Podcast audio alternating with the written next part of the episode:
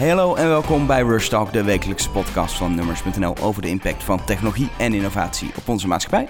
Ik ben Elke van der Wel en deze week eh, wil ik het met je hebben over de Hyperloop. Um, een onderwerp waar wij eh, veel over schrijven op Nummers. Regelmatig als het nieuws is, uh, lees je bij ons ook al een aantal langere achtergrondstukken geschreven. Maar toch heel kort voor degene die niet weten wat het is. Ik kan het me inmiddels haast niet voorstellen als je Rush Talk luistert en Nummers leest. Maar het kan. Um, Hyperloop is een concept bedacht door Elon Musk. Hij heeft een soort white paper geschreven om dat te delen met de wereld. Er zijn een aantal bedrijven mee bezig. En het moet de toekomst van vervoer zijn over ja, lange afstanden op land. Het idee is om een soort, soort capsules te maken die door een vacuümbuis kunnen ja, eigenlijk geschoten worden met een snelheid van 1000 km per uur.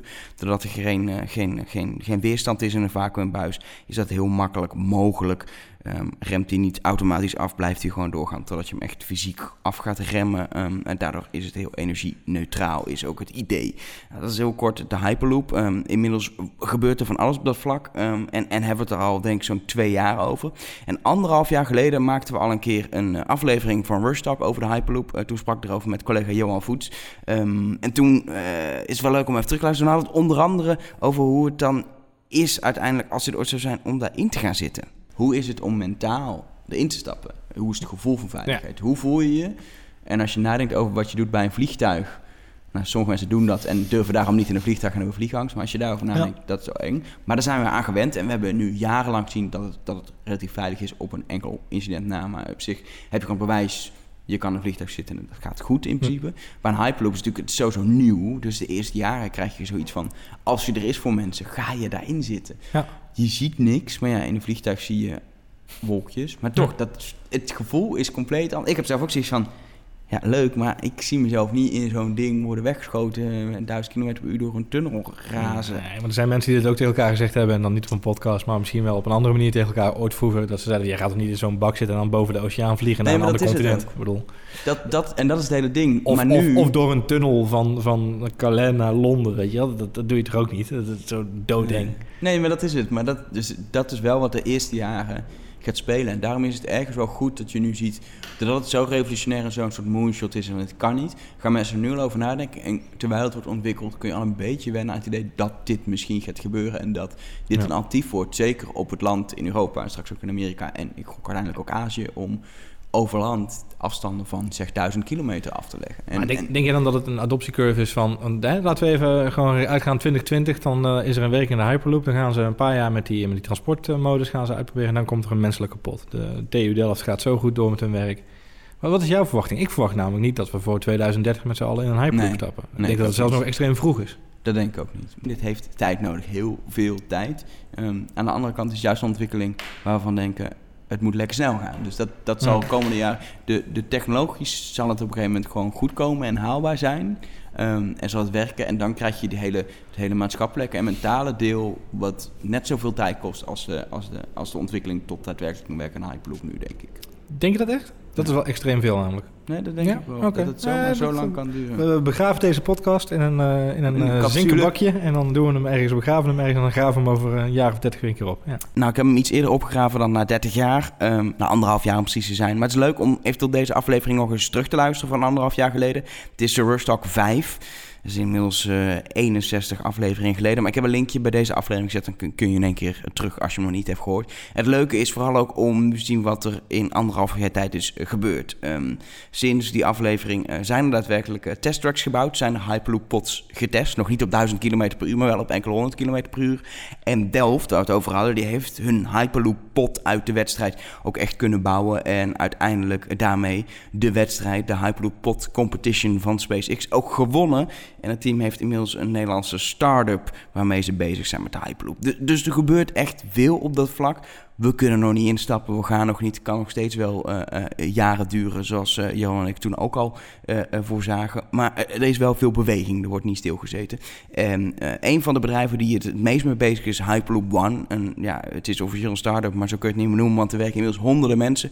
Veel geld opgehaald om daadwerkelijk die Hyperloop te gaan bouwen. En Hyperloop One is een Amerikaans bedrijf, maar is ook heel in Europa bezig. Heel erg aan het kijken van kunnen we in Europa ergens een Hyperloop track gaan bouwen? Is het mogelijk om ding naar Europa te halen.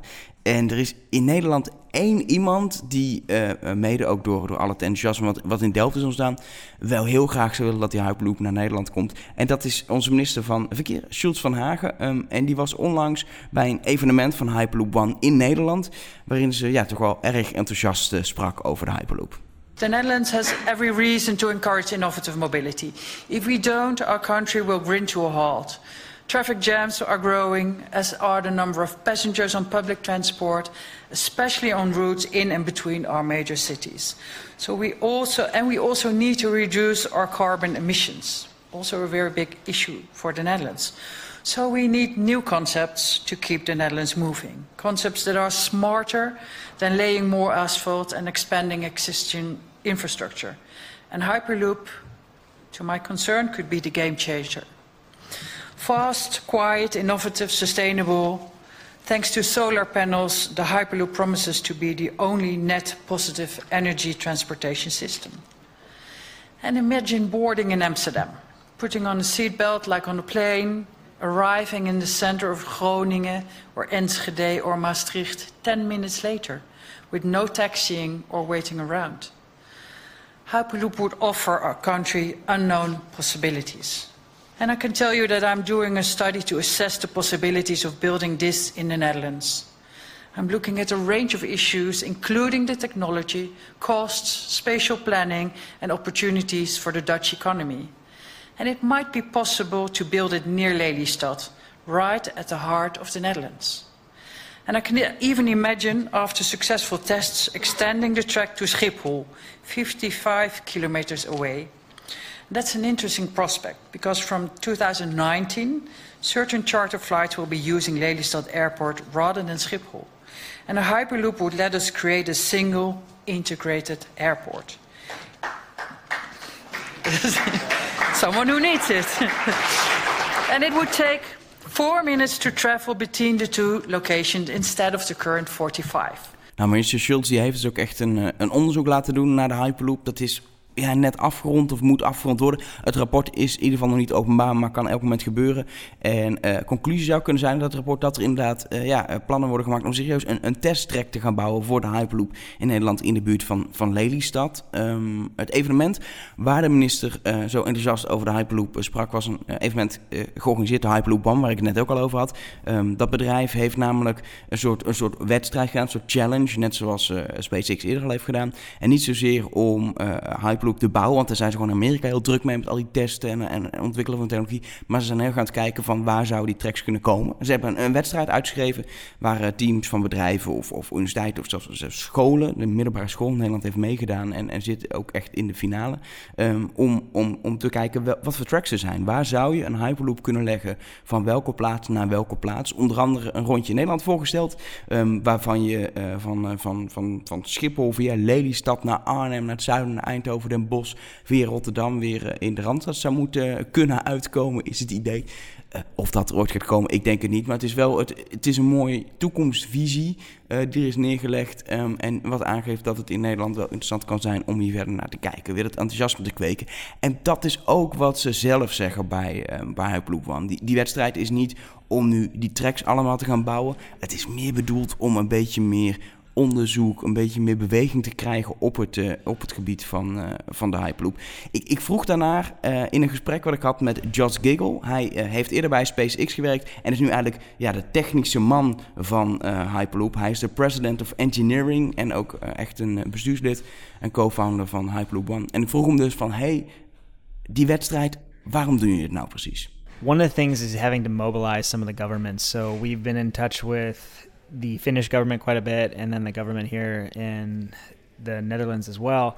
And that is, you know, it's hard for public or private citizens to go and build infrastructure projects, right? You need the government support. And with that, this is a multi year build or multi year operation. This will be operating for decades after this. So, how do you get the funding for that? And what's the regulatory case? Because right now they can't go buy us like they can buy a high speed rail. And if that's the case, then they want to understand how they can be a part of that and have their influence on the regulatory case. So the idea of coming out of here is all right, let's get together, let's talk about this, and let's go after this proof of operations facility, which is effectively 15 kilometers on a route to do the certification. And if you get that, you build that out, that eventually becomes part of the line. It's not this kind of isolated facility. And then because it's part of the line, you're also demonstrating that you can build it for what you say you can, it operate it the way you say you can, and then ultimately it lasts the length of time you say it can. So, so, so you're really doing a lot of uh, this challenge, and a lot of talking with, with governments and, and some local companies and stuff like that to really look for just places to build a track.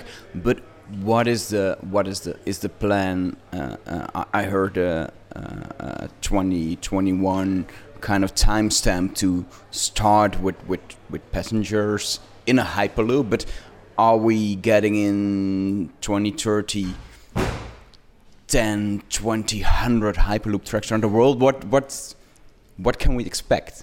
So in China right now, they're building something on the order of maybe 3,000 kilometers a year of high-speed rail. We think over the course of the 2020s, we'll be building starting out at maybe 100 kilometers a year or so, and then moving up to like mid-range case assumes that we get something on the order of maybe 500 kilometers a year built. So still less than what's being built in China right now but you know we're not going to be building tens of millions of kilometers a year unless we really strike it big.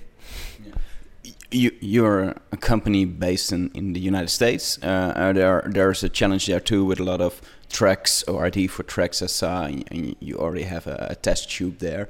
Uh, uh, but you're focusing really on, on Europe too. Is isn't is there a competition in governments or something like between between Europe and, and the United States? I would say yes in a different way. In the United States, typically infrastructure projects have been slow to get off the ground, to say the least. But here, there's been, in, in Europe in particular, there's been a huge adoption of public transportation. And just driving around here, or riding around here, you can see the commonplace people going to a train station. It's a daily occurrence. You know, might be a, li- single lifetime occurrence for people in the United States to get on, on a train. So the regions are more specific here or compact here. And that's actually really interesting because what you've seen in Europe with rail means that you can, high speed road, you can connect to basically all of Europe with no more than maybe a couple of hours commute. So the United States is much more spread out but now, because of the speeds that Hyperloop can go, it could actually be a very similar experience to traveling between major metropolitan areas in Europe, but in the United States with these these longer ones. So there's, I would say there's competition, but that's just because I live in the U.S. I'd like to see one that I don't have to hop on a plane to go ride. But the the mechanisms and machinations of the, the groups actually to build it are very different. The U.S. has a different regulatory environment than than here. So you're talking about public transport. Is is Hyperloop? Is it is it the next step after the high speed train or is it another way of transport that can replace flying? Really where do where does it fit? Our our sweet spot is between about 50 kilometers and 1000 kilometers. So if you're going to go you know you're you won't take a hyperloop from Los Angeles to London. But you'll be able to take one in that that that range in between. It doesn't mean you'll have you know you can't have more than thousand kilometer networks. It's just that you'd probably end up taking a plane in that particular case. So in in our area or in, in the area of just developing Hyperloop, having that that sweet spot or having that area of, of focus allows you to have. Um, actually, I'll, I'll give a better example. In the early '90s, between London and Paris, 90 or 85 percent of the people were taking the plane after the TGV and they put in the, the tunnel, now I think it's something like maybe 75 or 80% of the whole traffic is captured by train. Right, so that's the same kind of phenomenon that you could have with Hyperloop. Is that you have a choice? You could put in a high-speed rail, you could put in a Hyperloop, and then if you put in the Hyperloop, even if you put a Hyperloop on the same corridor as a high-speed rail, that same analogy of time saved should apply in that case. It's kind of a third option. Yeah, it's a third option for sure. And uh, uh, you really focus on the, on the technical side, and I, I think it's kind of strange and fascinating to work at a company where you're not you're not having the project product yet or the service. You're you're just there was an idea with Elon Musk who just wrote something down and, and, and, and did some drawings. This is the idea. I think it's possible. And now you are in a really long term development of just finding out how it works and how it works best, I think. Yeah. The the one thing that's really interesting and having worked at SpaceX for a while is something that really grilled into there is that if you have an idea, the fastest way to make it a reality is to build it and not try to design out all the flaws, right? So to take that paper, understand it quite a bit over the course of the last two and a half years, take some of the pieces from it, put in new pieces, put in our own take on it, and then go and build it really quickly has allowed us to learn way faster than than anyone else. Because if you look no one else has built a tube that has all these different things the propulsion system the levitation system the guidance system because it's highly coupled highly integrated. And because we have that you know we've spent the last two and a half years developing each of these little pieces and now we know exactly how we want to take that into production and that's invaluable. Having already tried to build something, you know, I used the bloody knuckles analogy before because it's a it's a true thing. As soon as you go try to build something, it never ever works as well as you think it does on paper, and then you you fight with it and you realize like, oh, this is a, there's a way easier way to do this, and now that your product becomes that much better because you already had this learning. You have a kind of an uh, you call an innovation campus where you're just developing all the parts of the hyperloops from from tubes to capsules and uh, a lot of things I can imagine. How is it when you when you step in there? What do you see? It's like a engineer's candy land. it's uh, so if, if you imagine a little bit of Willy Wonka's chocolate factory mixed with some really smart people and there's there's a couple philosophies that I really subscribe to and that's we want to encourage we want people to want to work. We don't force anybody to work. If they want to stay late, they stay late, and we give them all the resources. And the other thing too is uh, seek forgiveness, don't ask for permission. It's two very different concepts, right? Like go out and try to figure it out, and then if you mess up, then come tell us about it, and we'll learn from it, and we'll move on. And but those those two things and the team, I can't describe to you the feeling of being in a garage saying that you'll have a company of 200 250 plus people in two plus years. And when you find them, like 250 people on a piece of paper is a number. 250 people in real life is a family that has blood, sweat, tears, infighting, getting along, coming together, going apart. And it's just this amazing feeling that when you have this successful moment, um, it wasn't because it's not magic it's not because you're creating something so easy that anybody can do it. It's because a group of people came together and overcame the difficulties. And these are just people that we hired, right? These aren't your brothers. These aren't, you know, combat soldiers in a foxhole. This is people that came for a job and it turned into something more. And so it's a really humbling, a really inspiring place to be when uh, you can turn a team loose and they can do something better than you ever imagined. Is is the Hyperloop becoming a, a, kind of a live goal for everyone at Hyperloop One? I think it has to be. I mean, if you if you ask my wife, it is my life. no, but it's uh there's very few projects on the face of the earth that are truly blank slate projects for an engineer. You get to start from scratch, and then there's even fewer that have transformative value, which is this when we are successful this will be something that's around long after we're alive, right? And how often can you say that about something that you're engineering? You know, if I build a phone or I build an app, you know, it's nothing against it. It's just not not what I do. And this will be around for a long time. You know, like my kids will ride it, their kids will ride it, and it'll be great. Oh, I think when you when you speak to people, even journalists or just people at, at parties or something, yeah. they're really interested in what you're doing. But people are really skeptical because it's yeah. such a moonshot and it's just so hard to imagine that it's really going to work practically technically but but but with all the building tubes in countries really long it's really hard to so what do you what do you say when people are skeptical i like that people are skeptical i had And, and the reason I like it is because you got two choices, especially when you're an engineer. You can either live in a world that other people create for you, or you can create the one that you want to live in. And I'd like to have the one that has Hyperloop in it. What I was really interested in is uh, you, you have a test tube now, and you, you start testing, and at first you're going to do goods, but there comes a moment when you have to do kind of the, the first right drive, how do you call it, with people in it, with a person in it. How, how do you think about that moment? Because it's, I think, a little bit frightening and a little bit exciting too. Yeah, I think, uh, you know, there's there's these moments when people if you look at what people did in like the early 1900s and 1800s, the level of risk acceptance of engineers, entrepreneurs, and everything was was very high. And I think that's gone down a little bit. You know, in terms of physical risk, I'm certainly not going to put anybody at, at risk in this particular thing. But the idea of someone will be the first passenger in this, just like someone was the first train passenger, just like the Wright brothers were the first people on a plane. I think it's a momentous moment, which is, you know, you don't you don't remember like that's not a it's not a good analogy, but like you you remember the things that happened because of the salient nature of them. Like you remember Neil Armstrong walking on the moon because that's a unique experience. Like the first time that somebody rides in a hyperloop in the media day and age now, like that'll be a moment like, wow, okay, he was the first one to to go on it, and it'll be. I think it's gonna be a pretty exciting day. Do you have any idea who is gonna be the first one? Is it an engineer or the CEO?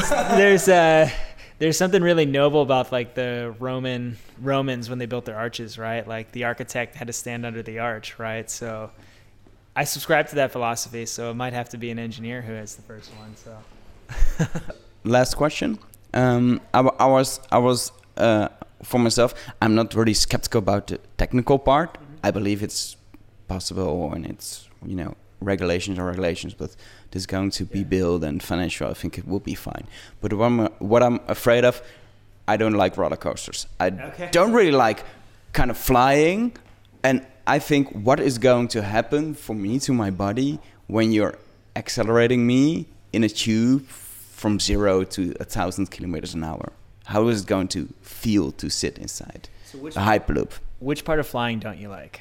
Uh, uh, getting up in the air, going down, and when you have turbulence. Okay, so it's the unknown, the un- and and really the feeling in your in your body. Okay, so this will feel very much like an aircraft at takeoff, but there'll be no turbulence because there's no wind blowing, there's no thermal drafts, there's nothing like that. You'll have this. Uh, basically, the experience inside is nothing unlike you sitting on a airplane taking off, and then when you're at speed, you don't notice anything. If the vehicle turns, you might feel a little bit of extra G-force, but nothing that you'd feel that's much different from an airplane. It's not going to feel like a roller coaster, right? Not feel like a roller coaster. You know, the finance team keeps telling me repeat customers are an important aspect of the business model, and so uh, don't make them throw up is what they tell they tell me. So.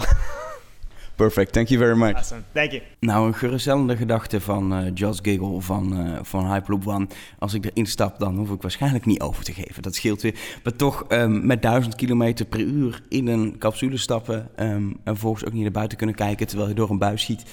Uh, zoals ik anderhalf jaar geleden al zei in de podcast met Johan, ik sta niet vooraan te springen om dat te gaan doen. En ik denk dat het voor veel mensen geldt. Um, alle, alle regelingen, het bouwen van die Hyperloop uh, en uiteindelijk ook mensen erin krijgen, dat, dat gaat nog veel moeite kosten. Maar het is interessant om te zien hoeveel op het vlak gebeurt. Um, uh, en de komende tijd zal er meer nieuws komen. Onder andere het onderzoeksrapport wat minister Schultz van Hagen heeft laten uh, doen naar een testtrack in Nederland komt binnenkort uit. Een Nederlands start-up Hard is echt druk bezig nu om dingen te gaan opzetten. Om ook een testtrack in Nederland te gaan bouwen. Eerste testtrack van Europa.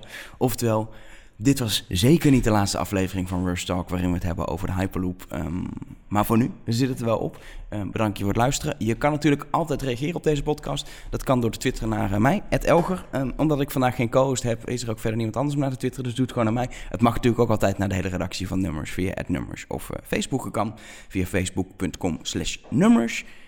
Heb je nou verder nog uh, wat te melden qua ik vind deze podcast helemaal geweldig of helemaal ruk, dan kun je altijd een review achterlaten op iTunes. Um, en daar help je ons ook mee. En ja, het is gewoon een soort, soort bijna smeekbeden, maar het, het helpt ons om beter gevonden te worden en meer mensen te zorgen dat ze, dat ze kunnen gaan luisteren als jij een review achterlaat. Dus help ons, laat je review achter.